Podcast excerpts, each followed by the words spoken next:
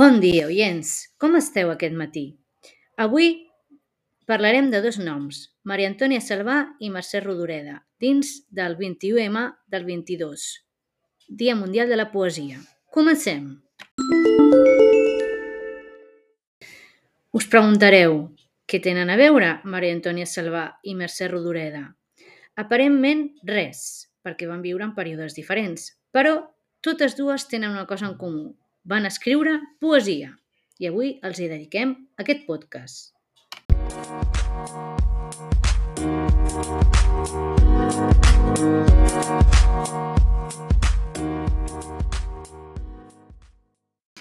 Maria Antònia Salvà va néixer a les Illes Balears, concretament el 1869.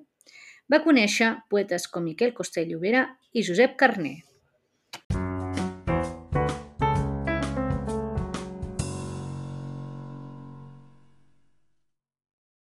Precisament, Josep Carner va dir Salvà que Salvà representa dins l'escola mallorquina, escola que s'inspirava en els models clàssics horacians i que van suscitar una gran admiració en la nova generació de poetes noucentistes catalans, l'Andrés Angèlic, la complència íntima de cada cosa al seu lloc, de cada emoció dins una música vinguda i escaient.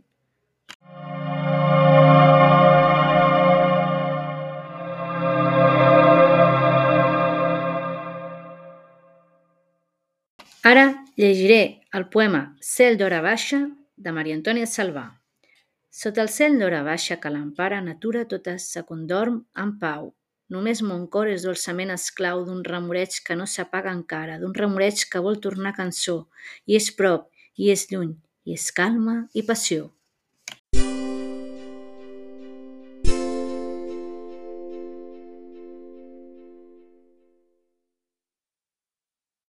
No, encara no m'ha acabat, perquè ens falta parlar de Mercè Rodoreda. Tothom coneix que Rodoreda ha escrit contes com La salamandra o novel·les com La plaça del diamant o Mirall trencat, per citar-ne algunes de les més conegudes. Sabíeu que l'escriptora de Sant Gervasi també va escriure poesia? Doncs sí, de fet, si us pareu a pensar, la seva obra narrativa està plegada d'un llenguatge poètic preciós. Llegeixo un fragment de Mirall trencat. Diu, el mirall s'havia trencat. Els bocins s'aguantaven en el mar però uns quants havien saltat a fora. Els anava agafant i els anava encabint en els buits on li semblava que encaixaven. Les miques de mirall desnivellades reflectien les coses tal com eren i de cop, a cada mica de mirall, veia anys de la seva vida viscuda en aquella casa.